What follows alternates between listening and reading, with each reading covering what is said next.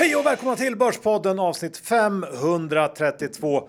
Vi ska såklart börja med vår huvudsponsor som är Skilling, den svenskägda multi-asset tradingplattformen som fokuserar på säkerhet, snabbhet och enkelhet John. Och Skilling det är ju en plattform för alla oss John som älskar att trada. Ja, och nu finns det ju verkligen saker att eh, trada också. Det rör sig på alla marknader. Valutamarknaden Johan, är den eh, svajig eller är den inte svajig? Den är svajig. Om vi säger aktiemarknaden, är den svajig eller inte svajig? Den är svajig. Ja, men ni börjar förstå vart jag kommer. Kryptomarknaden rör sig otroligt mycket och det är ju så härligt att Skilling erbjuder trading på alla de här marknaderna och mycket, mycket mer. Precis. Och de gör det dessutom till väldigt, väldigt förmånliga villkor. Tajta spreadar, inget courtage, det är bara att handla på. Och dessutom så kan man ju nu också göra det i kapitalförsäkringsmiljö eftersom Skilling har ett samarbete med Hubins och man kan läsa allt om det här i länken som finns i avsnittsbeskrivningen. Men kom ihåg att 82 av kunder förlorar pengarna om man har CFD så behövs skilling.com för en fullständig ansvarsfriskrivning. Och John, om man inte har öppnat konto, vad gör man då? Då går man in på deras hemsida skilling.com eller laddar ner appen och öppnar enkelt ett konto med BankID. Så enkelt är det. Vi säger stort tack till Skilling! Den här veckan blir det lite av ett specialavsnitt. Det är höstlov, men inte eh, tar vi ledigt för det. Ja, lite tar vi ledigt eftersom du befinner dig i Marbella Ja, och vi jag i Grekland just nu när ni hör det här. Men vi jobbar ju hårdare veckan innan och kommer väl kombinera det här avsnittet med någon typ av blandning av rapporter inbakat med lite frågor. Eh, det är ju många saker som behöver redas ut ute på den vansinniga börsen just nu. Så är det och dessutom så är vi sponsrade av Excitec och vi har haft besök av Excitecs vd Johan Kallblad. Det tycker jag också man ska lyssna på. Ja, det är väldigt spännande att höra hur det ligger till i konsultbranschen i dessa oroliga tider. Vi är denna vecka sponsrade av Scandinavian Ski Pass som ju säljer det ultimata säsongsliftkortet som ger dig tillgång till 15 unika skidanläggningar i Sverige, Norge och Italien. Och det Scandinavian Ski Pass vill skapa, det är ju ett alternativ till Skistar och det här gillar man ju verkligen. Hela tiden så växer Scandinavian Ski Pass med nya orter och eh, John, du kanske kan berätta för mig vilka är de nya orterna eh, i år? Ja, men låt mig få presentera nyheterna Johan. Det är Lofsdalen, Norefjäll, Storklinta och Jäckvik. Inte så trista namn. Det är inte, och det som är härligt med det här passet är ju att man verkligen får variation i sin åkning. Ja, något som nästan är ännu härligare, det är priset tycker jag. Ja, du gillar ju pengar Ja, och spara pengar. exakt. Och eh, det här kostar då 5 745 kronor per säsong och ger dig fri skidåkning på åtta av anläggningarna och fem skiddagar på varje resterande ort. Läs allt om det här på Scandinavian Ski Pass hemsida och om man är lyssnare på Börspodden, vilket ju alla som lyssnar nu är, Ja, det vore konstigt annars. då får man ju lite extra grädde på moset. För så är vi, att vi vill ge våra lyssnare det bästa av det bästa av det bästa. Ja, då får man 10% i rabatt på ett redan då fantastiskt pris om man använder koden Borspodden. Så se till att vara redo nu när den första snön börjar falla. Gå in på Scandinavian Ski Pass och köp ditt pass idag. Vi säger stort tack till Scandinavian Ski Pass. Johan Dr. Basse Isaksson, index är 2070 och det är ju en extremt trist fredag eh, vi spelar in på idag. Jag tror nästan så att vanliga människor inte hade klarat av det här. Förlora miljoner, sen gå in och låtsas vara glad i en podd, när det enda man vill göra är bara att grina. Eh, Som jag sa förra veckan, man måste ju omfamna det här. Ja, det, ja det, du fick ju en hel del av det själv här idag. Så Ja. det är fruktansvärt dålig rapport av för Börspodden idag med IT-konsult, haveri, Truecaller, haveri, haveri. Vi ska gå djupare in på det. Eh, men ta oss igenom de sista dagarnas händelser ändå. Nej, men då, och vi får väl för att sätta sig in säga att vi spelar in här på fredags förmiddagen. Ja, Eh, veckan innan alltså. Och eh, jag sa i och ju- för sig just det. Ja, okej, men då sa jag det igen. Mm. Det är oroligt där ute, får man säga. Eh, väldigt starka och slagiga reaktioner på rapporterna här som kommer in. Eh, jag tycker att det är lite så här sälj först, tänk sen känsla i många fall. Eh, sen har jag också fick igår fick jag en känsla av eh, att vi närmar oss en studs. Det var lite kapitulationskänsla i många aktier. Eh, lite så här kräks. Eh, Eh, feeling. Ja, jag såg att uh, Uffe på DTV också sa precis uh, samma sak där, att man fick en känsla att nu ramlar botten ur, men så gjorde det ändå inte det. Att Nej. det var nästan alla som har sålt har gjort det, i alla fall kortsiktigt. Ja, man börjar känna den här rädslan lite grann. Ja. Att det kan gå hur långt ner som helst. Ja. Uh, det brukar ju kunna vara en, ett tecken på vändning, men Ja, vi får se. Jag, jag, tror att kortsiktigt så skulle vi kunna vända upp lite här nu eh, in i eh, liksom, eh, julperioden på något sätt. Ja, det fortsätter ju att eh, kvartalsrapporter som kommer in dåligt straffas ju brutalt. Truecaller, Electrolux Pro, vanliga Electrolux, Afry. Ja, det är ju ändå inte... Texatronic. Så, ja, börsen är ju inte förlåtande. Nej, det är den inte. Sen tycker jag också en liten så här halvspaning eh, från rapporterna är ju att det väldigt tydligt hur Kinas icke återhämtning börjar synas på allvar i många rapporter. Inför 2023 så var ju Kinas återhämtning ett av de här stora temana. Vad säger man? Temanen? Temana? Teman? Ja, du får säga vad du vill. Ja, ett stort tema helt enkelt. Uh, och att det skulle bli liksom en positiv... Sven svenska två med Johan. positiv uh, svingfaktor i ekonomin över hela världen. Men det har ju inte alls uh, infriats. Uh, och kommer, man kommer ihåg efter finanskrisen så var det ju Kina som drog upp världen ur lågkonjunkturen. Den hjälpen har man ju inte fått nu och frågan är om man kan hoppas på att få så mycket hjälp från Kina här kommande år. Jag vet inte riktigt. Det, jag tycker att det är lite oroväckande. Ja. Kinas uh, helt liksom, brist på dragkraft. Ja, och det känns som de har ju redan byggt allt man kan bygga lite grann. Eh, Den taken. Nej, men det, är lite så är det ju. Ja, eh, bara en sån där eh, liten notering i marginalen som man säger. Ja, ja. nationalekonomen, mm. Kina-experten John Skogman. Ja. Vad, har du några spaningar då? Ja, men det är ju det här med att vi beklagar ju oss över att våra småbolag går så dåligt här i Sverige. Men det är en trend vi ser över hela världen faktiskt. Tittar du på det amerikanska eh, stora småbolagsindexet Russell 2000 eh, som alla följer där så är det ner 5% i år medan Nasdaq väl i alla fall fortsatte upp kring 20 eh, procent, var väl upp 40 nästan som mest. Eh, så att det är svagt för småbolagen eh, där ute. Jag vet inte om det är någon trend man ska haka på eller om det bara är tillfälligt så att luften har gått ur eh, de som just eh, köper småbolag och värderingarna kommit ner där. Ja, kanske. Och det finns väl någon typ av känsla att småbolag också har det lite tuffare om det blir tuffare ute i ekonomin. Eh, ofta kanske mindre diversifierade, liksom fler stora kunder, att det finns fler potentiella felkällor i småbolag. Ja, verkligen. Och sen är ju så amerikanska småbolag är ju som våra storbolag eh, nästan. Men här i Sverige har det verkligen varit så att eftersom Sverige har en av de svagaste konjunkturerna så har det inte varit bra för de mindre bolagen som tjänar pengar här. Eh, men vi har ju också bett om en hel del frågor. Ja, jag tänkte bara en, en liten till grej. Ja. Jag tänkte på det här med noteringar eftersom vi pratade om den här eventuella noteringen av eh, Northvolt förra veckan. Yes. Eh, och eh, då tänkte jag på att det här med noteringar är ju faktiskt en ganska bra temperaturmätare på börsen generellt som man kan ha med sig i bakfickan för att eh, lite grann pejla in var i börscykeln man befinner sig. Vet du hur många bolag som noterades på Stockholmsbörsen inklusive First North under toppåret 2021? Har vi inte sagt att det är kring 150? Ja, bra. Det är därför ja. jag är börsexpert. Ja, du är verkligen en börsexpert. Och 100, men det är, helt, det är ju helt, helt sinnessjukt att det kom in 150 nya bolag Eh, och då har vi inte räknat med de övriga eh, smålistorna heller. Eh, det ehm, kan man ju då jämföra med i år. Då kan man räkna noteringarna på en hand. Ja, vad är det Rusta senast som inte blev en hit? Ja, och sådana här pseudonoteringar som Yubico som jag knappt tycker är en notering. Men, men det är väldigt få. Och med facit i hand får man säga att eh, det här eh, liksom noteringstemperaturmätaren eh, var ju ganska bra. 2021 så hade vi en överhettad marknad och eh, den timingindikatorn kanske man ändå ska behöva liksom, använda lite mer. För när, när det var de här enorma mängderna av noteringar, då var det ju också ett bra läge att börja dra ner på risk. Eh, lätt kan, att säga det nu. Ja, det är väldigt lätt. Men, men, om man ser tillbaka till det så funkar det ju ganska bra.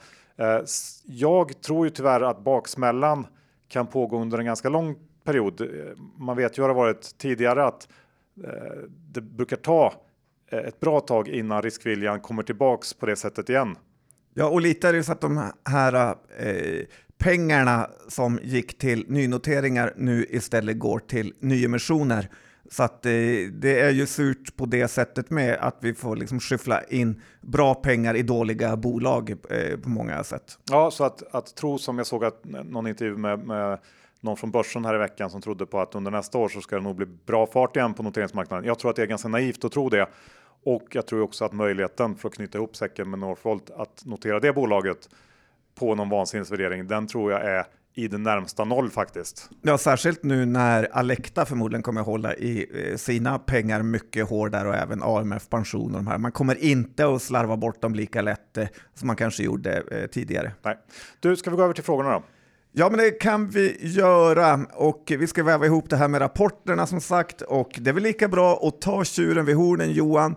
Eh, det har ju varit eh, frågor om du ska vara först ut på börsdumpen eh, med, med Truecaller och Kambi-håsningarna som du har haft där. Det är ju en fruktansvärd dag för Truecaller idag. Alltså en, det är ju en first level-tanke att tänka att jag ska, ska finnas där uppe, ja, tycker jag. Ja.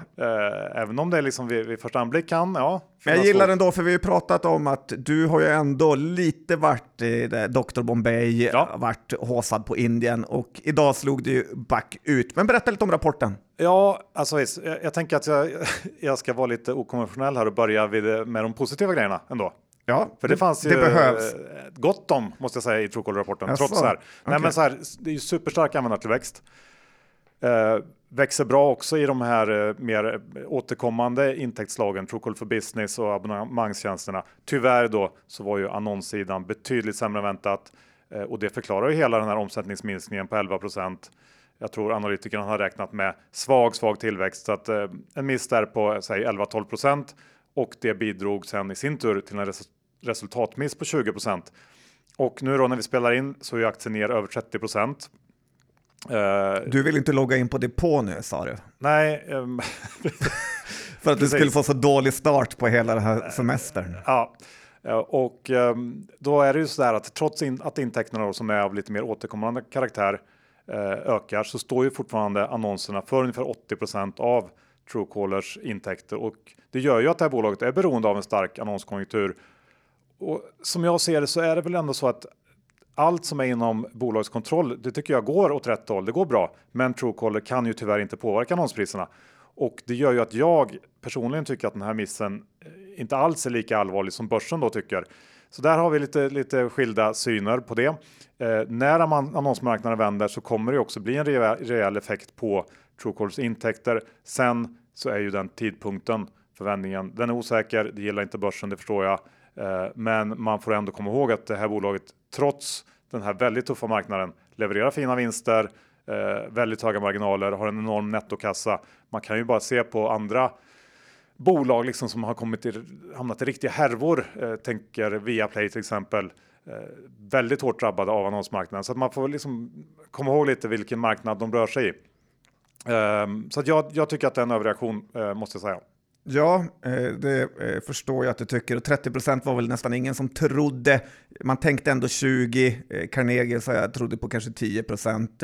Men absolut, jag förstår ändå börsen. Jag har ju sagt att det har många attribut som man inte gillar. Det är högt blankat.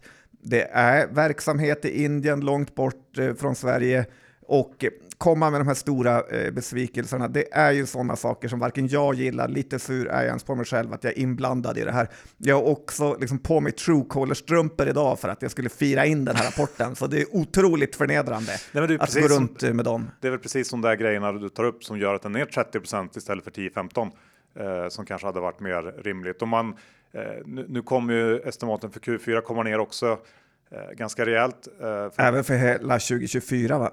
Ja, de kommer väl komma. Där, där får man väl se hur mycket det kommer ner för det beror det ju på hur annonsmarknaden lyckas återhämta sig. Det är kanske lite tidigt att börja dra ner det allt för mycket än, men absolut, det, det får ju. Det får ju effekter eh, såklart och eh, det var. Det ska man ju säga. Det var ju ett svag eh, svaga intäkter på annonssidan. Det går ju inte att sticka under stol med, men jag tycker som sagt att underliggande så växer ju användarna växer rekordsnabbt. Det har liksom taktat upp från tidigare det är ju det som bolaget på något sätt kan påverka själva och som jag tycker är liksom viktigast. Så på sikt så kommer ju det ge resultat. Eh, och sen får man också komma ihåg att det här är en aktie som rör sig extremt mycket på rapportdag. i, i Q2 då var det ingen som ville ha mig på börsdumpen när den var upp 40 procent på rapport. ingen som sa måste tack heller i och för sig. Men eh, det får man också ha med sig att ja, det kanske inte skulle gått upp 40 procent på Q2 och det kanske inte ska gå ner 30 procent på Q3. Nej, och det har ju också att göra med att det är så extremt mycket blankare inne och driver den här åt eh, båda hållen. Men jag antar att de kommer eh, liksom vattna sina blommor nu. Eh, det kommer på, de göra. Ja, jag har redan sett att eh, Frasse P har varit ute på Twitter och eh, skrytit Ja, det är många. Det är, Bråsa har betett sig illa mot oss eller mig. Wendel Vad han någon... kallar Bangalore caller. Ja, så jag vet, han är ju svarta boken, Wendel i svarta boken, skrev någon hatartikel direkt på det. Så det är många som är emot mig. Jag står ju ensam här på barrikaderna. Du och Alan. Ja. Men ja. jag står kvar. Jag har inte tappat tron. Är du, har du köpt mer eller har du ja, sålt? Jag har köpt lite mer. Du har köpt mer? Ja. Trevligt. Eh, så kan Billigt. Riktigt... Det var rabatt idag. ja, det är så man får eh, jobba. Men då lämnar vi väl Truecaller lite grann. Ska vi göra det? Ja, det gör vi. Eh, tycker vi då kan eh, fortsätta här på frågorna och vi pratade om Hemnet förra veckan och då frågar någon här om det är en av de bästa blankningscasen på eh, börsen just nu. Vad säger du om det? Nej, det tror jag inte. Nej, inte jag heller. Det är ju lite för, alltså de fortsätter återköpa aktier, de har bra kassaflöde. Eh, det finns ju inget i närtid som tyder, förutom på att den är högt värderad, att eh, den kan eh, kollapsa. Ja, och det brukar inte räcka som argument. Så att eh, nej, det, det är liksom, de har alldeles för stark position för det som det ser ut idag. Ja. Bra, enkelt. Henrik undrar när det är dags att köpa fastigheter igen. Han tänker i relation till räntan. Det har ju gått väldigt, väldigt dåligt för många fastighetsbolag här. Och eh, ja, man ska ju köpa när det är billigt. Vad säger du om det? Ja, omöjligt att säga såklart timingmässigt, men det är väl, får bli någon slags så här tråkig snittsvar. Då. Man kan väl börja köpa lite så här en gång i månaden eller något under ett år framåt. Kanske bra månadssparare Johan och eh, Rickard Josefsson. ja, men vad tycker du? Eh, ja, men jag tycker att man inte ska vara för rädd. Någon gång kommer förmodligen räntan att sjunka med tanke på hur kast det ser ut i övriga samhället och det kommer gynna fastighetsbolagen och eh, det kommer ju se mörkt ut när botten är så att ja, det är både. Jag tycker man ska våga köpa lite fastighetsaktier, men sen egentligen så mer och mer tänker jag att man knappt ska ha bank och fastigheter i en långsiktig portfölj, för det kommer alltid sådana här perioder när det går åt eh, käpprätt och eh, eh får man då vara med på nyemissioner så är nästan all avkastning under de goda åren eh, borta. Det är mer typ av eh, sving och moment och kanske några, så här, eh, ja, men några års trade-aktier, men inget att ha för all framtid. Nej, men jag håller med, plus att många är ju personligen redan väldigt exponerade mot fastigheter genom sina egna bostäder och så. Så att det kan man också tycka kanske räcker. Ja, men det är smart eh, sagt. Eh, ungefär som att man aldrig ska alla sina eh, pengar i eh, aktier i företaget man jobbar. För går det käpprätt där så har man varken kvar jobbet eller sina pengar. Mm. Många visdomsord från två killar som har kört bort sig på börsen. Vi har fått ganska många frågor också Johan om hur det kommer sig att din energi har femdubblats sedan eh, de tidiga avsnitten fram till eh, nu. En väldigt bra fråga som eh, jag inte tror att det finns något bra svar på egentligen. Kanske att du behöver podden mer och mer ju sämre börsen går? Ja, alltså jag, är, jag är ju rikare nu ändå, så den logiken funkar inte. Så jag vet inte riktigt. Det kanske bara är liksom allmänt bättre mående. Ja, okej, okay, trevligt att mm. höra. Jag skulle säga att du är ju positivare i podden än i verkligheten. Så bara så att du vet, hur, så att lyssnarna inte ska få liksom för mycket hopp.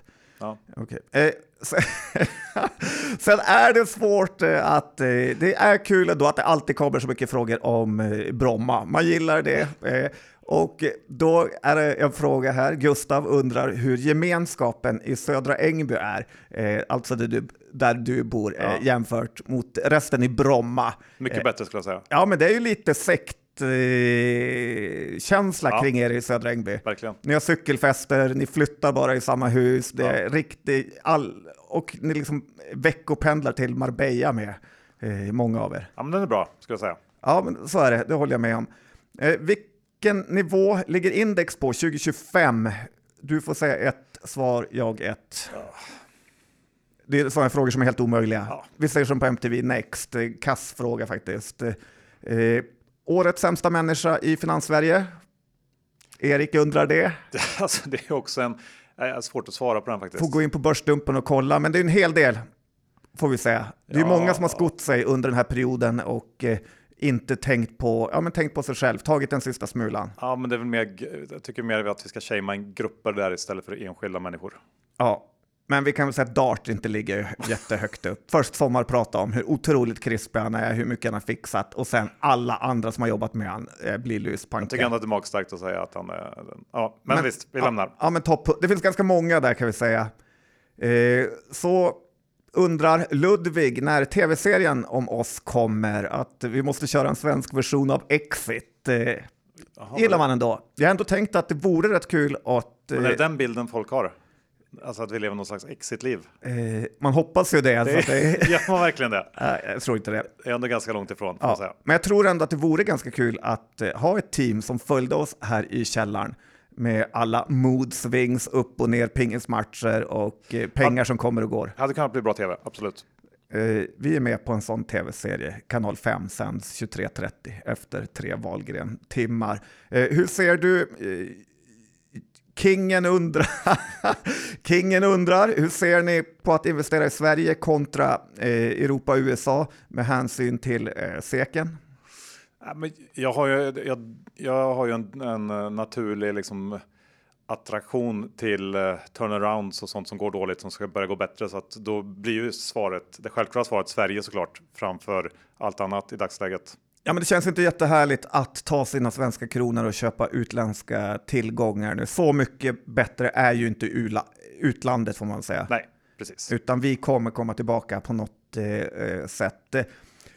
Också en fråga om den samlade synen på kontraktstillverkarna. De har ju rapporterat allihopa nu. Eh, jag tycker ju AQ med James eh, levererar ju väldigt, väldigt bra medan de andra svek väl lite grann sådär. Note ja, ja, men jag tror att den börjar, har, jag har ju varit negativ ett tag till dem. Uh, börjar väl få semirätt, uh, har inte riktigt uh, synts än, men jag tror ju att de har ju levt i den bästa av världar och vi börjar gå liksom över krönet och neråt nu.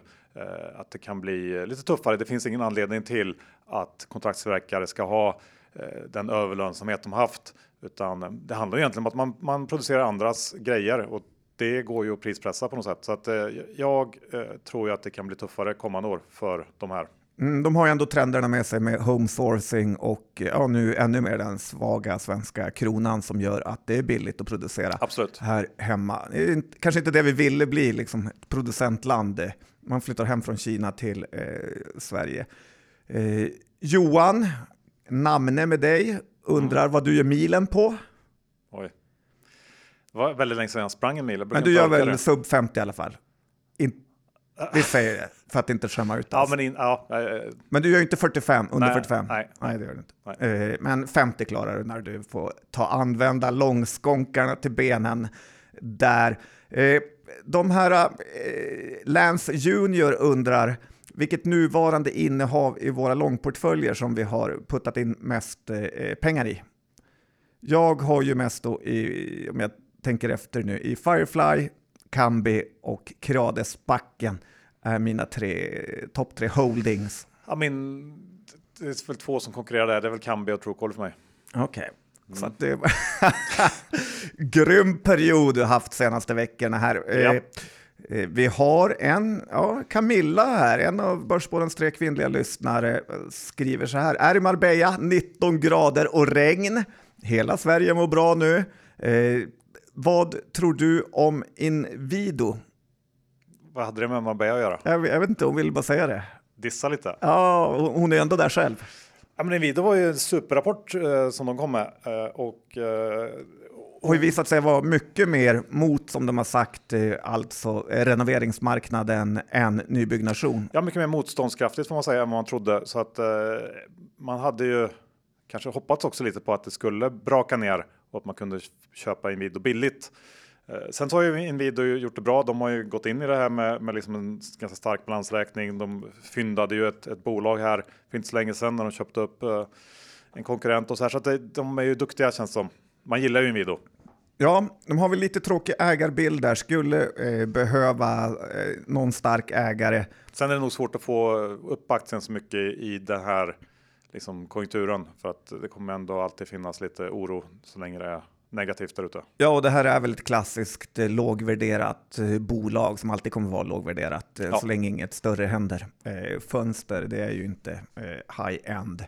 Eh, en annan, Hannar, mycket tjejer nu. Mm. Det är dig de vill prata med, som vanligt. Var ligger Johans nya hus? Ja, du pratade om det förut, Ja. det ligger i samma område. Ja, precis. Ni köper bara sekten där. Eh, vad visar grannarna om konjunkturen i Marbella-trakterna? Hur är det där nere? Alltså, generellt skulle jag säga att det känns ju som att... eh, Det är inte folk, lågkonjunktur där. Nej, men folk har ju ofattbart mycket pengar. Jag förstår inte var alla pengar kommer ifrån. Det de kanske inte har eh, Truecaller och Kambi som största Nej, det har innehav. de ju uppenbarligen inte. Utan de, eller så har de cashat ut på toppen. Jag vet inte.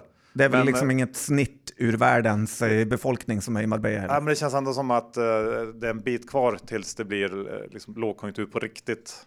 En bred, djup.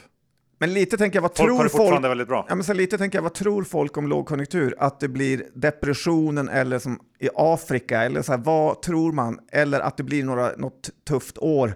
Eh, jag tror man har lite så här för, att man är lite för rädd för lågkonjunktur nästa Så kan det vara, absolut. Eh, det är också någon som undrar här eh, hur många gånger jag har besökt dig i Marbella.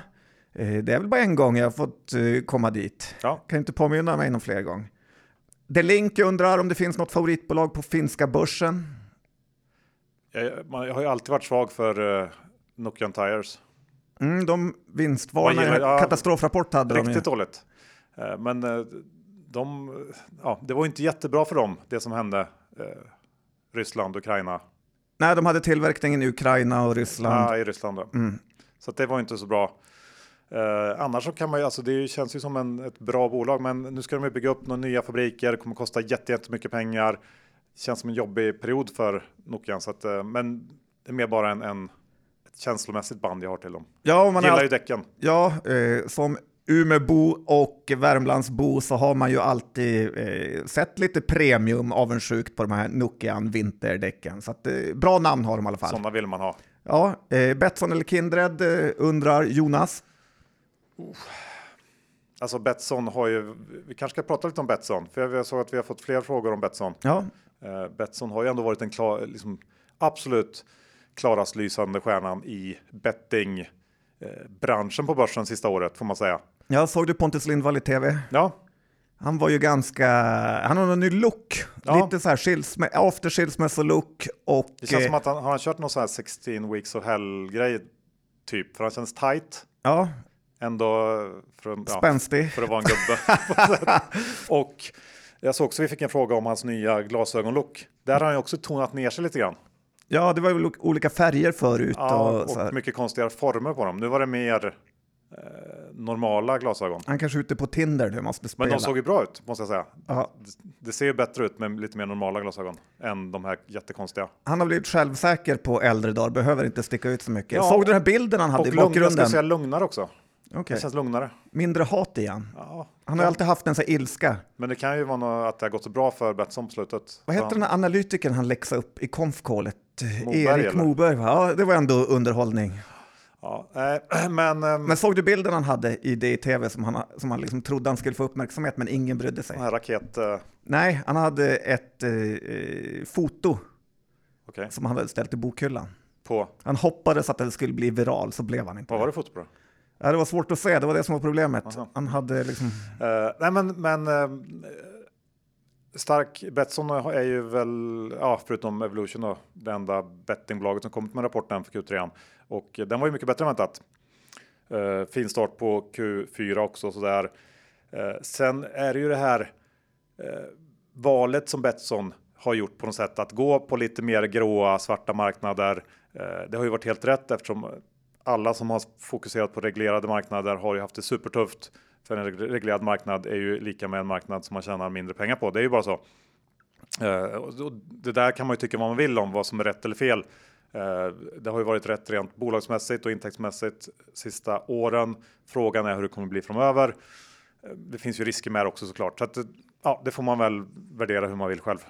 Ja, och det är väl ganska eh, osäkert hur det går för Betsson i Sydamerika här framöver med eh, de här marknaderna som kommer regleras där, där de skördar väldigt, väldigt bra just nu. Ja, men precis. Det där är ju, är ju risken att, att en marknad som man har väldigt fin intjäning på helt plötsligt regleras och då blir det inte riktigt samma grej längre. Men eh, det där har ju Betsson varit bra på att navigera eh, hittills så att det kommer de säkert fortsätta kunna göra. Och lite besviken är man väl på Kindred i stort. Ja, det är man oerhört besviken får man säga. De Det hade guldsits och har väl kört bort sig lite från den guldsitsen. Fick Ja. pole position och de har tappat den. Många galna grejer, egna sportboken, vansinne med mera, med mera.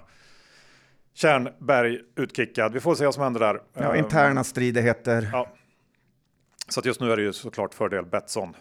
Ja, eh, vi analyserade Evlus Vind för flera år sedan i podden. Eh, tankar om det bolaget, eh, det är väl lite min sektor.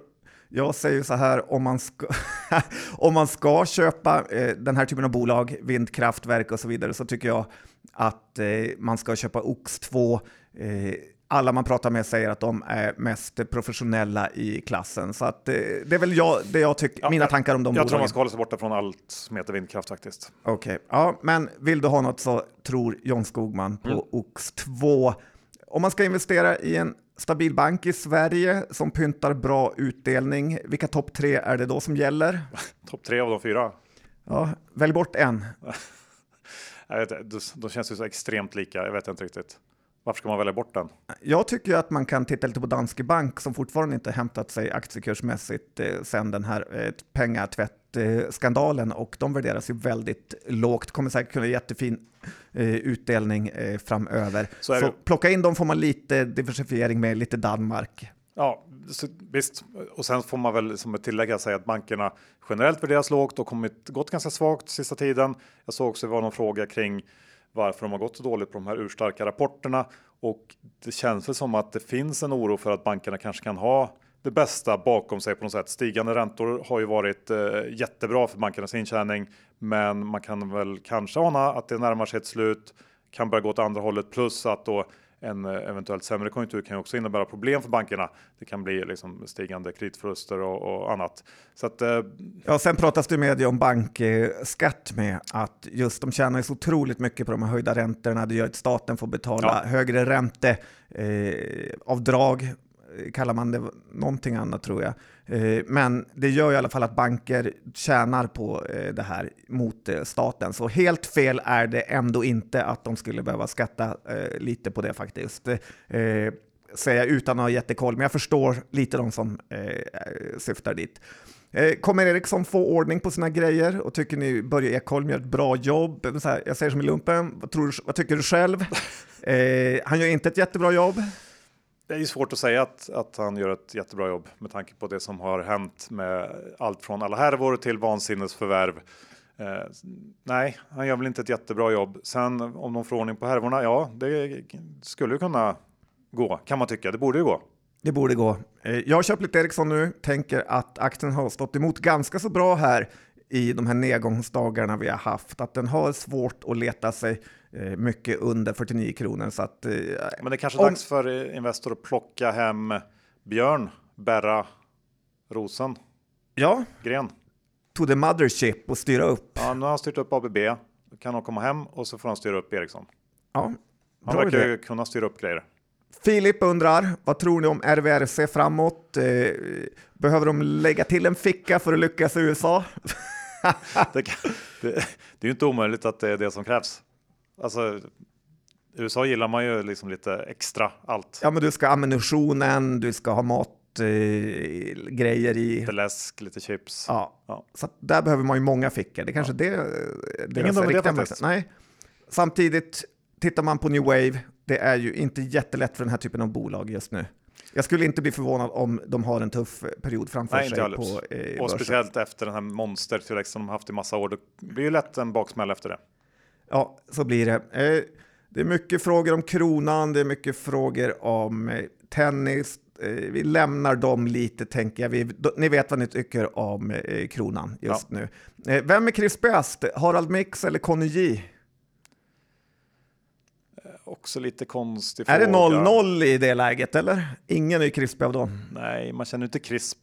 Nej, Det är inte det första man tänker på. men jag väljer ju ändå Conny J. Ja, jag med. Om jag måste ta liksom någon eh, krispighet. Eh, och hur ser den moraliska kompassen ut för BP? Investerar vi i vapen och betting och så vidare? Ja. Och ja, men det gör vi ju. Som gammal sniper så har man ju inget emot att försvara sig och betting är ju något som jag håller på med i princip varje vecka. Jag tycker det är jättekul. Eh, så att, ja, lite pinsamt att fråga om sådana där saker, som att det skulle vara något negativt att investera i det. Kolla hur det gick med Swedish Match när alla svenskar inte vågade investera det på eh, sina låtsas på godhetsregler så tog USA och köpte dem. Ja. Så att sluta tro att ni är goda om ni ens eh, tror det. Eh, Anton undrar, leva som Günther Mårdner eller aldrig mer eh, skrika hej då? Jag gissar att den är riktad till mig. Det var ganska enkelt val. Eller? Ja, man vill ju liksom verkligen inte vara Günther Mårdner. Nej. Så att eh, så är det. Ja. Eller hade du velat vara han? Nej, det bara kändes som ett, ett väldigt lätt val att avstå från att skrika hej då en gång i veckan. Ja, helt plötsligt vaknar man upp eh, som Günther Mårdner, väckarklockan ringer mitt i natten för man ska starta tvättmaskinen. Det är man ju inte jättesugen på. Nej, Hur god är Börspodden whiskyn? Den här killen vägrar att öppna sin för att eh, han tror att det är en jätte, jättebra investering. det kan jag förstå. Det, han kan vara någonting på spåren där. Den är ju fruktansvärt god, men jag gissar också att den blir ännu godare med åren, så att det är en win-win för honom. Ja, och flaskorna försvinner ju när varje person öppnar dem. Det är därför det är så smart att investera i vin och så vidare, att eh, de försvinner hela tiden. Eh, vilka aktier ska en småsparare satsa på långsiktigt, Johan? Ja, det kan jag inte svara på. Det kanske lite investmentbolag eller någonting. Ja, det är ju sån Alltså- här, ingen vet vad som Nej. kommer hända. Eh, köp vad du tror på. Om den här frågan gillar jag. Gurra, värdigt att kallas Gurra. Eh, Var hade du helst jobbat som vd på om du var tvungen att eh, ta ett sånt jobb? Det är en bra fråga. Ja, och det är väl inte riktigt så att Börspodden-grabbarna bara kan välja och vraka bland vd-jobben där ute eh, på, hos börsbolagen. Nej, Jag hade ju gärna varit, och du kommer ju säga att jag inte kommer klara av det här, men jag hade ju gärna varit på något stort industribolag, Atlas Copco, åkt runt i världen, så här, åkt runt, pixat lite på saker, på kontor, så här, gnällt på små saker och alla fruktade mig. Eh, och hade sagt, ska det här verkligen vara så? Sen hade de sagt, nej, förlåt. Och då hade jag ändå mått bra. Ja. Så jag inte riktigt förstått vad företag ens gör. Och sen är alla lugna när jag åker därifrån. problemet är att det är för svårt för dig. alltså du, du måste ha enklare produkter känner jag. Ja, Du kan inte ha massa olika så här eh, vändskär och robotar. Alltså du, det skulle inte funka för dig. Nej, jag Utan sk- du måste ha någonting mer. Jag skulle säga konsumentbolag för dig som du kan förstå. Det är steg ett. ja, Sen gärna liksom inte för många divisioner att hålla reda på. nej. Utan det ska vara en eller max två grejer. Jag hade ju tröttnat på någon division, så här, jag orkar inte bry mig om dem längre. De får leva sitt eget liv. Ja. Så sparkar chefen där någon gång då då. Så det, ja, någonstans där hamnar vi. Då är det liksom, jag vet inte, Cloetta, eh, kanske Svårt Björn att- Borg, den typen. Känner ändå att jag är med små bolag. Ja, men Det är ganska besviken. Det blir ju ofta så. Själv så... eh, Vad tänker du veta- själv? Nej, Det är jag, lite mer amerikanska jättar eller? jag, funderar, nej, jag, jag känner ändå att jag skulle nog kunna göra det ganska bra i ett bolag som alltid har lite motvind. Ja, Som ändå som går dåligt. du gillar ju att så här skicka besparingsmail till personalen. Ja, och att jag liksom kan ta det med jämnmod på något sätt. Att ja, ja, det blir nog bättre. Kommer du ihåg när Robert Aldin, när det gick dåligt på Remium, när han skickade ut att man var tvungen att printa på båda sidorna? Ja, Det var ganska sjukt besparingstrick. Av alla grejer så var det bästa han kom på. Printa på båda sidorna. Ja, men vi kan ta gör på det. typ Duroc eller någonting. Ja, det kunde du gärna få göra. John Häger, eh, svårt att göra det sämre än vad han gör. Eh, är verkligen alla småbolag skit? Nej, Nej, det, eh, klart inte. den här kan ju du svara på. Tycker allt med FlexCube är rätt. Fräls mig med er kunskap vad som krävs för en vändning. Eh, Ja, men det jag håller med. Det finns ju en enorm potential i det där såklart och det är ju anledningen till att vi gick in i hela den här historien och eh, ja, ser att det finns eh, stor potential. Det gäller ju bara att marknaden blir lite bättre. Det är ju ett, ett litet bolag med alla problem som det medför. Eh, det krävs att det är lite mer tryck där ute så att eh, jag tror nog att eh, bara det vänder lite grann så kommer det att eh, bli rätt bra för Flexcube och så har de den här enormt intressanta robotprodukten som ju verkligen är liksom top of the line och ligger i framkant. Eh, Så får de lite traction på den så kan det ju här bli riktigt, riktigt bra. Ja, Tror jag. eh, Så är det. Det är väl inget man behöver rusa in i just nu. Nej, så, men... utan det ligger väl, vändningen ligger ju ett tag eller en bit fram i tiden, utan nu, men nu har de i kassan och eh, kan jobba på liksom i lugn och ro. Så det och bara... det är kul att det är så högt ägande bland personalen där, så att de har verkligen eh, incitament till att det här ska bli bra för dem också. Ja. Eh, förlorar vi våra pengar så kommer de förlora väldigt mycket mer. Ja. Det gillar man ju. Eh, vilken är den mest udda galna scam investeringsförslag ni fått till podden? Kan du inte berätta om den här bitcoin-tanten kom till oss, eller det var inte bitcoin. Nej, det var ju OneCoin. OneCoin. Ja, du hade en, en, en, pitch jag skulle vara med på. Ja, precis. Av en finsk tant med en gubbe. Och jag, det är nog den gången jag skrattat mest i hela mitt liv. Att jag sprang ur kontoret och skrek, grinade på gatan av skratt. Och sen kom du aldrig tillbaka? Alltså, kunde jag inte komma tillbaka. Det var lite, du lämnade mig i en, en lite konstig sits där. Ja, men det är något, eh, alltså att jag var tvungen att springa ur för att inte börja skrika. Ja, men det var den sjukaste, mest uppenbara scam tror jag man någonsin fått pitchad sådär. Face to face. Exakt. Oerhört sjukt. ja, det var kul. Tur vi inte gick med på det. Vad krävs det för att Dr. Bass ska bli våldshåsare? Du är på god väg nu, du börjar bli mer och mer positiv. Ja, det krävs en, en rejäl sättning. Ja. Svårare än så. All right. Eh, hur ser ni på placeringar i olika pensionssparanden? Tjänstepensionen, är det Next på den eller? Inget vi riktigt fokuserat så mycket Exakt. på. Exakt. Fråga Jocke Bornold, han har säkert något bättre eh, tips. Vilken bärs dricker man i Umeå? frågar någon. kan väl jag svara på. Vore konstigt om du svarar på den. Ja. Eh, det är väl som överallt annars, men de har ju det här Västerbottens bryggeri som jag tycker är lite kul. Har en öl som heter Malgomaj.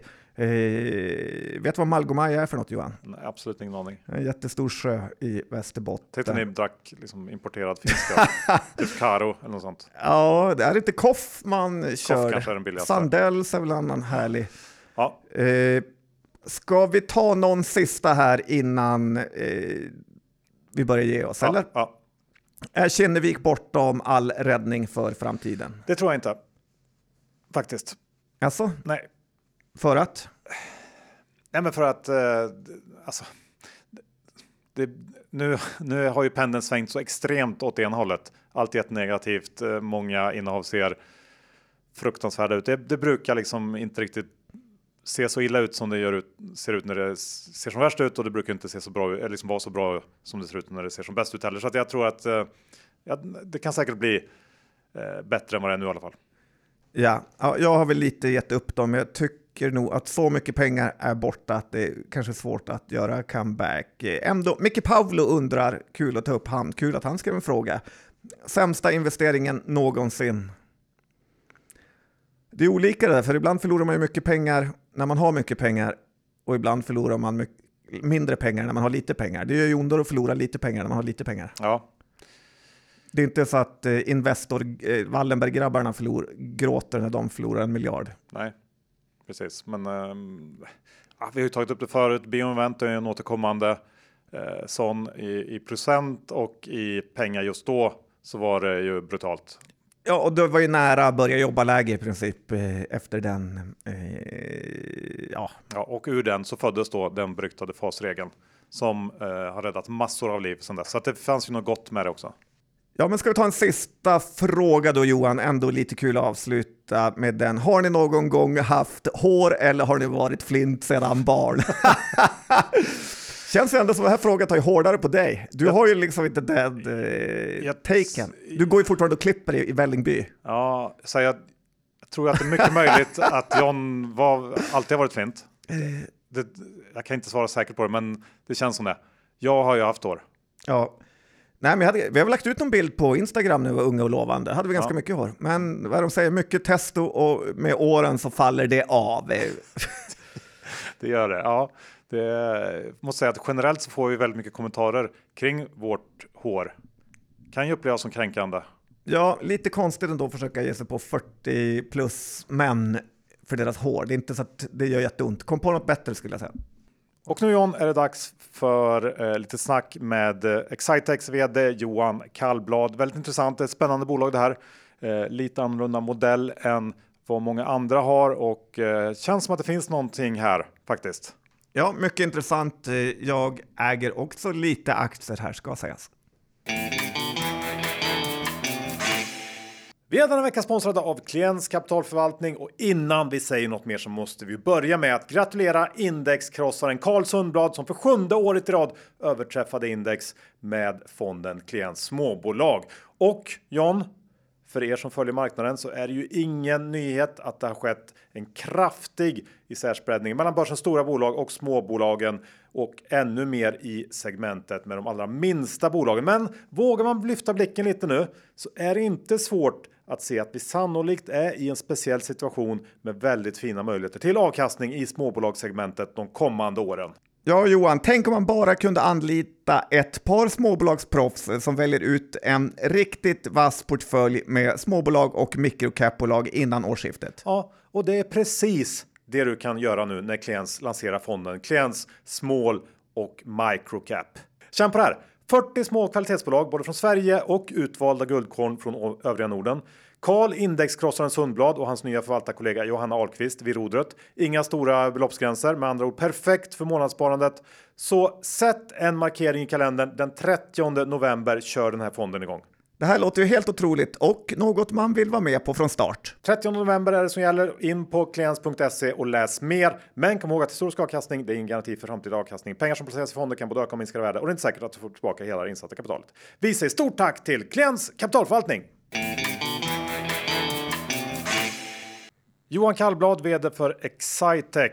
Välkommen till Börspodden. Tack så mycket. Heter det Excitec, Exitec eller vad ska man säga egentligen? Jag skulle börja med att ge en komplimang för att det var helt rätt sagt. Det, det är Excitec. Men vi har tjuvtränat här i källaren. Ja, ja, men det är starkt alltså. Det är ett av de svåraste. Så vi borde kanske lägga upp sån här ljudinspelning på, på webben. Men framförallt så jag brukar ge det ett tips till folk att om de ska döpa ett företag så döp det inte till något som börjar med X Eh, för det är ju liksom tråkigt och det går att säga på X, låter som före detta. Och så sen... Är inte det härligt nu med Elon Musk och allt? Att det, det är inne? Ah, det har jag inte tänkt på, det kanske är därför det går hyfsat bra. Du var före Elon Musk. ja, för det går ju stava på olika sätt. Och sen Exciting var det egentligen. Vi började med, det är en förkortning av Exciting Site Technologies, så lite konstigt namn. För länge sedan. Så det, det, är liksom en förkortning och så då, men exciting stavas ju inte, det stavas med C ju, EXC och vi stavas EXS. Mm. i TSE. Så att det, det, det någonstans ni tappar mig.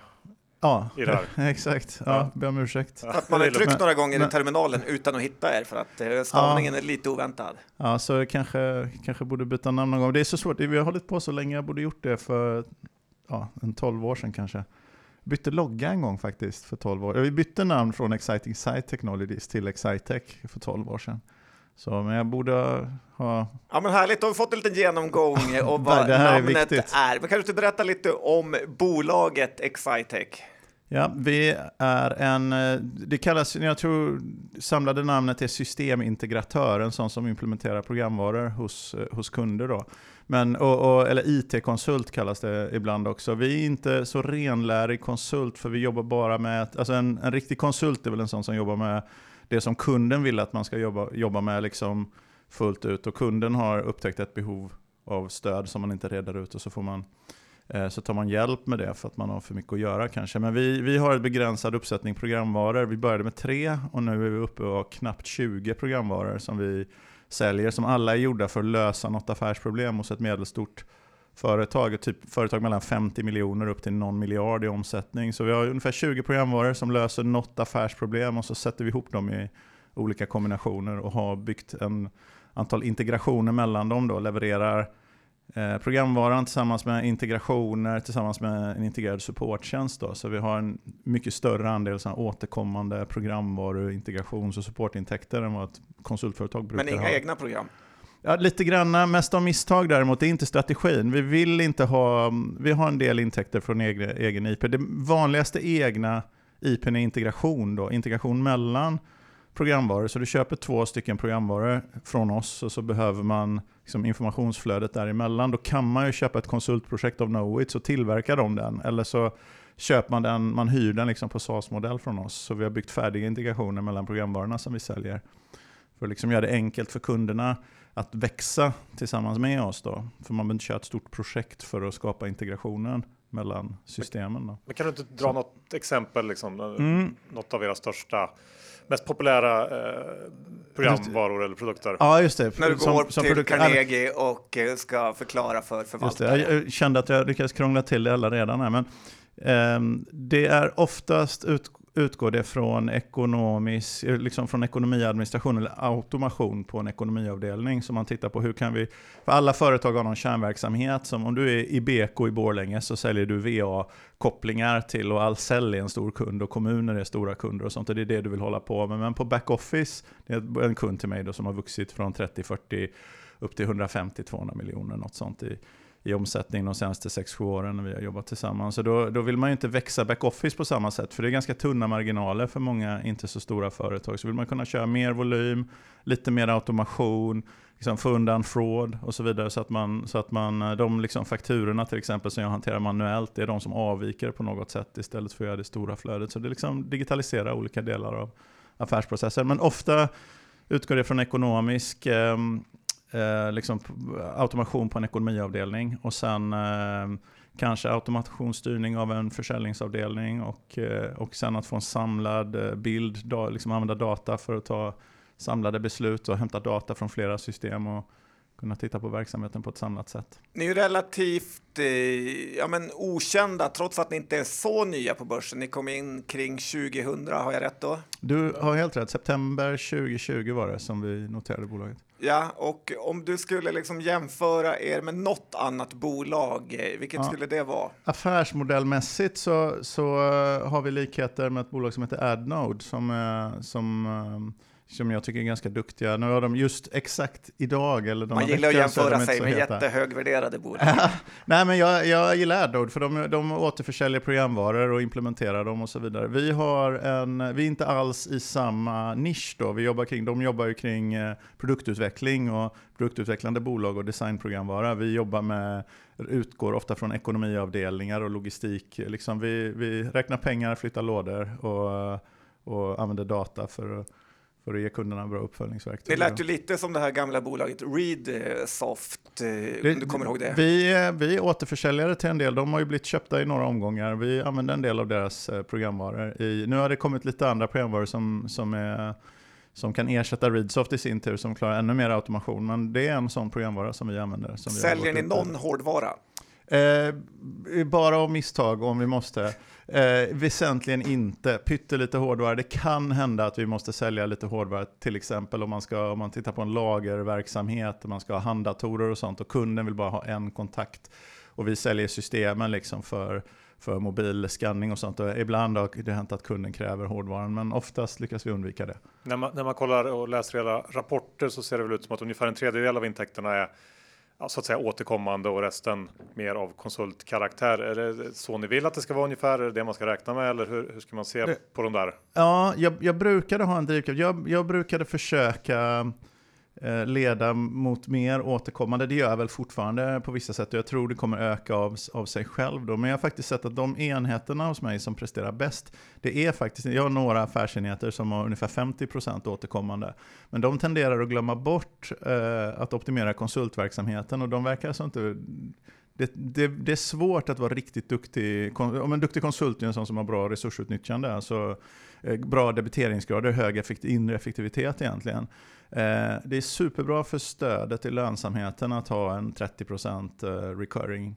Eh, men, men när man har 50% då glömmer man bort att man också måste vara effektiv i konsulten. Så, då, så de effektivaste enheterna hos mig, jag har sex affärsenheter nu då som vi har delat in i. De effektivaste där är de som ligger på någonstans 35%. Men kanske 40%. Men jag tror inte bortåt 50%, då tror jag vi glömmer bort att vara duktiga Uh, var duktiga konsulter. Eller åtminstone hittills har vi alltid glömt bort det. Ska ha rätt balans där helt enkelt mellan piska och morot. Ja. Mm. Ja, jag tror det. det. Sen är det ju så att konsulttjänsterna köps ju väldigt ofta av någon som har köpt en programvara. Vi är inte ute liksom och säljer konsulttjänster på stan till vem som helst, utan vi säljer ju våra konsulttjänster när någon har köpt en programvara för sju år sedan och så måste de jobba vidare med dem och organisera om och de delar upp sig och gör någon ändring. Liksom. Så konsulttjänsterna går ju är väldigt stor. Min, faktiskt, vi har Coca-Cola här på, min, min strategichef brukar kalla det för Coca-Cola recurring, där han tycker att de flesta som köper Coca-Cola, alltså våra konsulttjänster, det är Coca-Cola recurring-tjänster. Eh, för att de flesta som köper Coca-Cola, det är de som köpte Coca-Cola i förra veckan och veckan innan det. och så vidare. Men det är inte för att de har ett avtal med Coca-Cola om att de måste köpa fem Coca-Cola i veckan. De köper fem Coca-Cola i veckan för att de, för att de har vant sig vid det. Ja, bra liknelse. Så- Jag så- förstår. Det är antagit på någon säljkurs eh, kände jag, eller?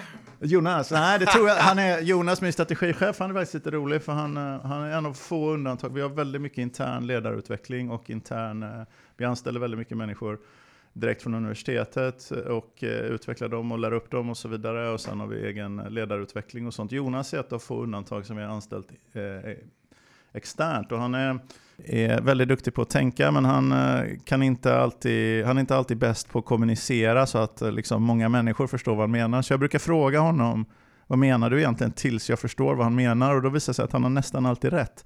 Så brukar liksom, mitt jobb bli att kommunicera det och hans jobb är att tänka ut det. Så bra kompliment. Ja, men det låter härligt. Jag, jag, om man tittar i ert, eh, ja, men era rapporter med så ser man att ni har 4 000 kunder. Det är ju ofattbart eh, många. Hur, hur hanterar man det? Ja, men det, det är faktiskt, där hamnar man i någon, någon sån sak som är en liten, en liten speciell unikitet hos oss. För om man räknar på det där så ser du att jag har 550 anställda ungefär nu och 4000 kunder. Det betyder att uppenbarligen då så är inte mina konsultuppdrag att jag kör en, två, tre heltidskonsulter per kund. Utan det är väldigt mycket så att en konsult hanterar många kunder eller många kunder hanteras av många personer. Så vi, vi har organiserat oss genom att begränsa då de här antalet programvaror vi jobbar med och så har vi mer pooler av resurser, pooler av människor som kan dem. Så att vi behåller en viss, vi liksom bokar oss inte till 100% till att börja med utan vi bokar oss upp till någon nivå på 70% kanske och så behåller man lite slack för att kunna, när en kund har någonting akut så försöker man hantera det. Så vi försöker alltid se till att ha tillgänglig personal då, för våra kunder de köper och betalar när de förbrukar tjänsten. Inte, de de liksom köper inte in ett gäng av, eh, av eh, fyra konsulter som sitter eh, i ett år liksom och debiterar tiden, verkar de gör nytta eller inte. Utan våra kunder betalar när vår personal gör nytta. Men ni är ett Linköpingsbolag med. Ja, låter farligt. Det känns inte som att du är från Linköping, eller? Jag är inte från Linköping från början, jag kom från Alingsås utanför eh, Göteborg. Men jag har bott i Linköping superlänge, sedan, eh, sedan 90-talet. Så att, eh, men jag har inte riktigt eh, plockat upp Men det är något litet kluster där i Linköping av intressanta Det- teknikbolag. Ja, det finns ju en stark... Vi jobbar liksom med administrativ IT kan man ju säga. Det finns ju, det finns ju en stark tradition där när liksom IFS och Intensia och de här, om ni kommer ihåg dem, de hade sitt säte där. Och vi tycker väl att vi är nästa generations eh, sånt bolag, lite grann, där man jobbar mer med, inte så mycket med att köpa, liksom bygga ett jättestort system och sen anpassa det så att det ska passa alla möjliga kunder, utan mer skapa kundanpassningen med ett modulärt tänk, där vi har små, smala eh, systemkomponenter som vi kan sätta ihop i, i olika... Alltså vi tycker det är ett bättre sätt att implementera affärsprogramvara på. Men, men vi kommer ju ur den andan ändå. Det är samma sorts affärsproblem man Mm. löser. Så jag tror det finns en stark sån tradition i... Jag tänker, tänker innan vi, vi går vidare och pratar om vad som har hänt där eh, på slutet så tänkte jag att vi ska snudda lite grann bara vid er ägarlista.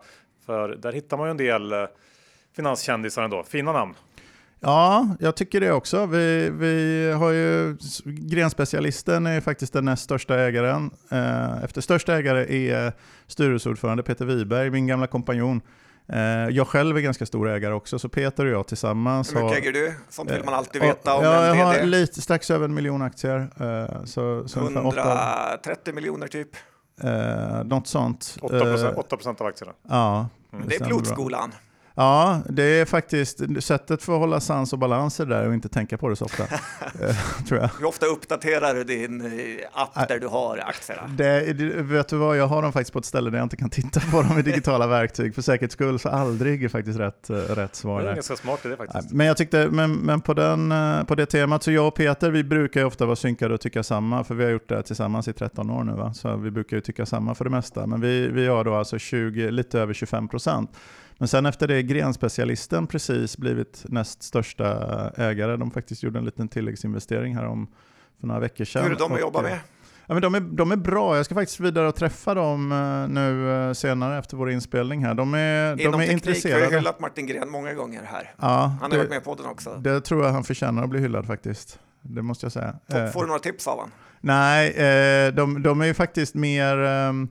Ja, de är ju intresserade kan man säga. De, de, de är ganska också säljintresserade och säljdrillade. Det är inte bara teknik, det är även bygga en försäljningsorganisation. Och det har alltid varit min. Jag kommer liksom från, från början från tekniksidan kanske och sedan mer jobbat med, med, liksom, med försäljning eh, större delen av, av eh, mitt yrkesliv, även på Excitec. Då, då. Men det är att bygga en skalbar säljorganisation, det är ofta där man går fel. Eh, så det är en viktig fråga och där tycker jag vi har, har vi samsyn med dem. Det är inte bara det är inte bara bygga tekniken, du måste få folk att använda den också, annars är det ju inte värt någonting. Är det några mer intressanta namn i ägarlistan? Ja, Creades, där har jag aldrig träffat Sven Hagströmer, måste jag erkänna, men jag har träffat andra människor på Creades. De är också väldigt duktiga. De är duktiga också på hur man ska bete sig i noterad miljö. Det har vi haft mycket glädje av, att liksom ringa bara bolla, liksom, hur gör vi den här, den här typen av frågan? För det är sånt som man inte kan om man inte, om man inte kommer därifrån. Sen gillar jag, jag har hört, hört att Kliens ibland sponsrar eh, er podd. Eh, och Kliens är faktiskt en av våra, de var ankare i vår börsintroduktion tillsammans med eh, med Creades. Då. Så, så var det Carl Sundblad eller? Jajamän, Sundblad. Eh, det var faktiskt roligt första gången jag träffade honom. Jag hade haft väldigt många sådana här möten inför introduktionen och de berättade liksom ungefär, hade ungefär samma möten när jag visade samma slides. Så när jag träffade Carl Sundblad så ville jag visa, ville, skulle jag, gick in på rutin där och skulle visa samma slides. Så sa han, de där har jag redan sett. Så jag undrar, jag lyssnar på er podd. Eh, alltså inte den här podden, utan på Excitec-podden, som är i huvudsak ett rekryteringsverktyg eh, för oss. Så han ställde några detaljerade frågor om några dumheter jag hade sagt på någon poddinspelning långt innan vi var noterade. Men då var jag ganska, det var väldigt roligt att se att han sökte information på sina egna kanaler då. Ja, vi har så, sagt att vi alltid gillar Carl Sundblad, så kul att han fortsätter leverera. Verkligen. Ska vi, kan vi gå över till Q3 då, som ni släppte ganska nyligen? Eh, ett säsongsmässigt eh, svagt kvartal för er, men vi kan väl ändå kort gå igenom vad som hände. Ja, det, det är ju svagt av två skäl. Dels av, av samma skäl som för alla, liksom det, vi har eh, semesterperiod, men också för att vi har av tradition alltid tagit in väldigt mycket nyanställda. Då. Vi tog in drygt 80 nyanställda och då är vi bara 500 50 personer ungefär nu, så det är en väldigt stor undertaking för oss. Och det, eftersom vi är specialiserade på ett fåtal programvaror så måste vi också lära, även om det är en duktig person som har jobbat, även om den har jobbat som konsult, så, så måste vi lära upp dem på de programvarorna vi jobbar med. Så vi har en investering på ett antal månader innan en nyanställd eh, gör nytta. Då. Så vi väljer att göra det svagare än vad det behöver vara. Jag var ganska nöjd med kvartalet ändå, för vi Eh, marginalen gick från, den var bara 3,9% för ett år sedan och jag tror den var 7,8% nu. Så vi har jobbat lite med marginalförbättring eh, hela året. Till organisk tillväxt 8%. Det, det, måste, det tycker jag väl inte är någon super-wow-siffra. Vi brukar, brukar alltid sikta på sisådär ja, komma in en bit över 10 helst, men, men eh, jag tyckte organiskt 8 känns ju som det är bättre än vad de flesta andra i min bransch eh, gör nu. Bättre än vad alla andra gör, tycker jag det ser ut som. Ja, man ska ju vara ärlig och säga att det har varit någon typ av vad ska jag säga, fackfesta på it-konsulter här sista tiden. Det, är ju in, det har varit katastrofrapporter från många av dem. Ja. Så där klarar ni er ändå rätt Ja, ni är bra. hårda här. Jag tycker de är ändå ganska väl. Jag tror vi kommer se, vi, vi kan ha mer ursäkt tycker jag ibland, även när liksom ett Volvo kommer med en svag, nu gör de ju inte det, ska gudarna veta, men när Volvo kommer med dålig rapport och säger ja, ja, men det är internationellt, det kommer igen, lastbilarna slits, de kommer behövas.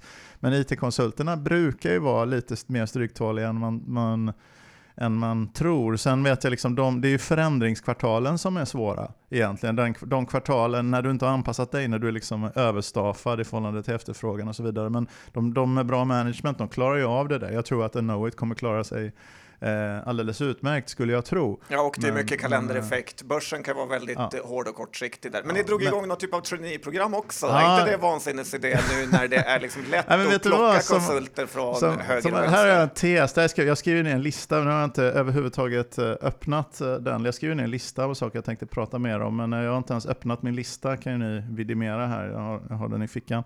Men, men, eh, det du var dricker en, bara Coca-Cola. Exakt. Det var en sak som jag, som jag tänkte på. Jag tror tror att eh, det är så här, bästa tiden att sälja våra typer av system, bästa tiden att sälja generella konsulttjänster, det är ju när kunder har väldigt mycket att göra. För att, eh, och det har man i höjden av en högkonjunktur. Bästa tiden att sälja verksamhetsstödjande IT, eh, som innebär att liksom implementera nya system. Det är inte när man har svinmycket att göra, för när man har tillräckligt mycket att göra, då vill man bara, då vill man inte ta den risken. Utan det är, den bästa tiden att sälja sånt är när man har lite mindre att göra och man vet att man måste effektivisera sig.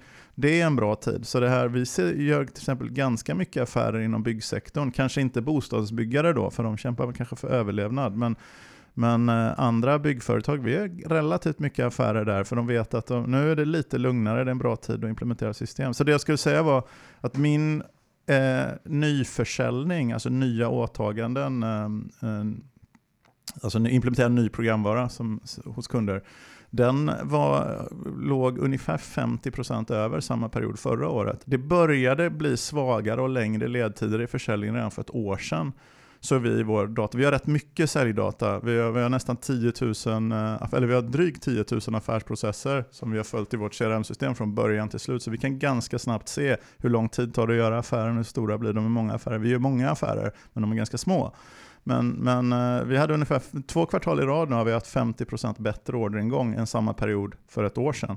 Däremot var 2022 inte ett kanonår orderingångsmässigt. Det var bra leveransår. 2021 var ett bra orderingångsår. 2022 nästan ingen tillväxt i orderingången. 2023 nu, sen i mars så januari, februari trögt, mars lite bättre och sen de två senaste kvartalen har vi legat orderingångsmässigt ungefär 50% över samma period förra året. Som då i och för sig var ganska enkla jämförelsetal. Så att det jag skulle säga är, jag tror nog att vi kommer behöva den här personalen. För om man bara kunde lära sig lite snabbare det vi ska ha dem till så vi kunde implementera igenom de här åtagandena åt våra kunder så, så tror jag nog att det ska bli en bra vad är det för kvalitet affär. på högskolestudenterna nu för tiden? Mycket bättre än vad man tror, eh, åtminstone, eh, åtminstone om man eh, Nej, men det, det Vad får man att... betalt om man börjar som trainee? Ja, jag var, sökte en del frågor. trainees-program ja. som liksom ung, det var inte Uff. så att man hörde av sig. Nu är, det, nu är det flera stycken frågor på en gång här, men det ena är att jag tror att om man väljer från rätt, uh, anställda från rätt utbildningar, det dras väl isär i samhället i stort liksom, men de där bra utbildningarna, vi älskar, vi tycker civilekonomer funkar bra, vi tycker industriell ekonomi är en utmärkt utbildning, vi tycker nästan alla civilingenjörsutbildningar Eh, är bra. Så, så det finns ju riktigt bra utbildningar och de är, de är duktiga och lär sig snabbt. Så, så det är inget, inget fel på topputbildningarna i alla fall i Sverige, påstår jag. Eh, vad man får betalt? Jag har för mig att det funkar som att jag tror att de får 33 000 och att de får 3 000 till efter sex månader när de går över från provanställning till fast anställning. Det är så jag vill minnas det. Men eh, här kan jag ha fel. Ja, men det är bra. Mm, mm. Jag tänkte bara innan vi eh, lämnar Q3, en fråga jag tänkt ställa var väl lite det här, hur ser läget ut nu ut hos eh, liksom, era kunder? Och, och, men du svarar ju mm. lite grann på det känns det som eh, när det... du berättar om att det ändå börjar vända upp lite grann för er. Men det kanske tyder på att det är eh, Vet du, jag, jag, skulle nyansera det. det. Generellt sett så är det ju bättre för oss när hela ekonomin går bra, för då får vi mycket gratis tillväxt. För en del, de här programvarorna och sånt och även integrationerna ibland, de prissätts på liksom, transaktionsvolymer eller på användarvolymer. Så när hela ekonomin växer, då får vi gratis tillväxt på kanske 3-4-5% från, för att kunderna i snitt bara växer, behöver fler användare och sånt. Och sån tillväxt är det ganska, ganska lite av just nu, för, för kunderna växer inte på det sättet som de har gjort de senaste åren. Däremot nyförsäljningsmarknaden är, men det är, nyförsäljning är typiskt bara 25-30% av min omsättning. Så den delen, de som 25-30%, där är förutsättningen bra, för vi gör mycket nyförsäljningsaffärer. kan ju också vara för att vi är lite billigare än att köpa ett sånt här jättestort system som man ska rulla ut i tre år. För vi, snabb, vi rullar ut typiskt, eftersom det är komponentbaserat, två, tre, fyra månader. Sällan mer än sex månader och få igång något. Och affärssystemsprojekt tenderar, har ju kunnat vara hur stora som helst om man ska köpa de stora systemen. Så, så vi gör bra med affärer, men det är ju inte så att genomsnittskunden har sin, sin bästa tid någonsin just nu. Så, att, så att det är lite motverkande ja, effekter ja. där. Vilket system borde alla implementera skulle du säga? Vilket är det bästa program du vet? Eh, absolut ClickSense. Eh, det är världens, världens bästa it-program. Samlar data från olika datakällor och visualiserar lättanvänt. I fortsättningen, om du kommer ihåg ett som heter ClickView, också Lunda-företag. Vi pratade ju gränsspecialisten Axis här. Alltså, jag, Efterföljaren till ClickView, ClickSense. Fantastisk eh, programvara. Man köper den eller Power BI. Power BI är helt okej, okay, speciellt om man har dubbla budgeten och halva ambitionen. Den säljer vi också mycket av, men ClickSense är, är överlägsen. Ja, det är den bästa programvaran som finns. Fågelholkar här. Ja, verkligen. Jag tänker vi använder Skype när vi chattar med varandra. Ja, men jag ska visa er, plocka upp min dator så ska ni se. Så men visualisera, betyder det att det är bilder då? Titta på. Nej, ja det jag kan man göra, som... grafer och sånt. Men man gräver i sin data helt enkelt. Förstår mer av sin verksamhet. Okay. Vill man det? Man vill det, ja. Som blev så populär, som tyvärr har gått bort. Ros... Gjorde Rosling, Ja, Rosling. Rosling, som gjorde så här bubblor av data. Är det sånt ungefär? Ja, Ja. eh, det är sånt ungefär. Fast man kan alla använda det för ekonomi. Ja, men det borde verkligen alla ha. Sen måste man verkligen köra sin redovisning i Vismanet om man vill jobba med automation och inte bara jobba manuellt. Och så Två köra bra sina fakturor i Medius. Och hur ligger svenska bolag? eh, Hur långt fram ligger de med digitaliseringen? Eh, Det är, mesta är ännu inte gjort. Härligt. Verkar bra för er då. Ja, det tycker jag.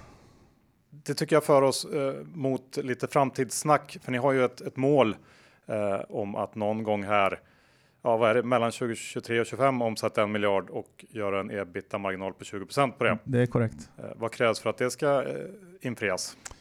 Eh, För det ser ut som om man höftar lite grann, ni kanske landar runt 750 miljoner i år i omsättning. Ja, vi lämnar inga Tummen och prognoser. pek. Nej, men, men nu har vi ändå haft nio månader och man kan väl ungefär.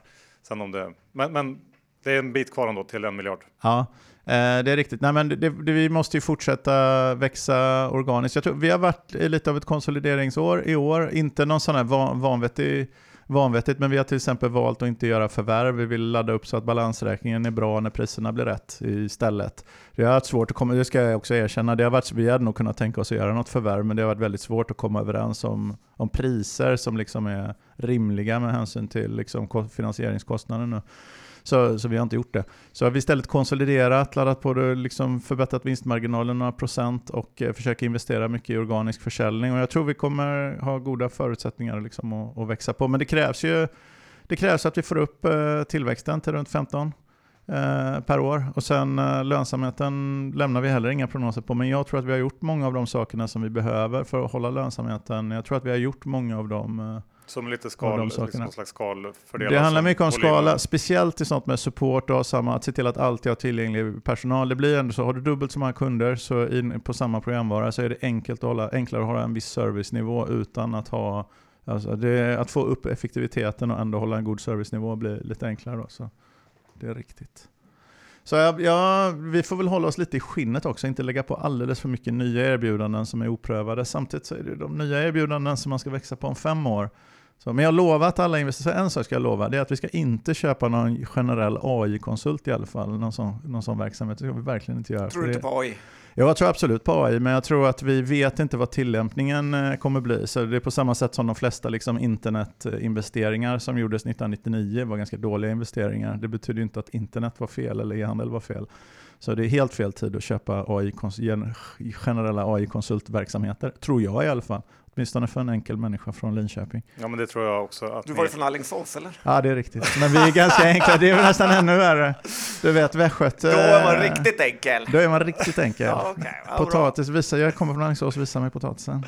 Ja, bra. Ja, men det här var ju härligt snack med eh, Exitex vd. Excitec var det, inte ens det kan jag få till. Nästan. Excitec. Ja, men Johan, stort tack för att du eh, kom förbi och berättade om Excitec här i Börspodden. Eh, vi ska följa det här caset för att eh, det känns ändå som att ni är någonting på spåren här. Jag tror det också. Stort tack! Tack. Slut på avsnitt 532. Vi säger stort tack till vår huvudsponsor Skilling. Kom ihåg att öppna konto om ni inte redan har gjort det. Det är enkelt, krävs BankID, men kom också ihåg att 82% av alla retailkunder får pengarna mellan CFD och Skilling.com för fullständig ansvarsfri skrivning.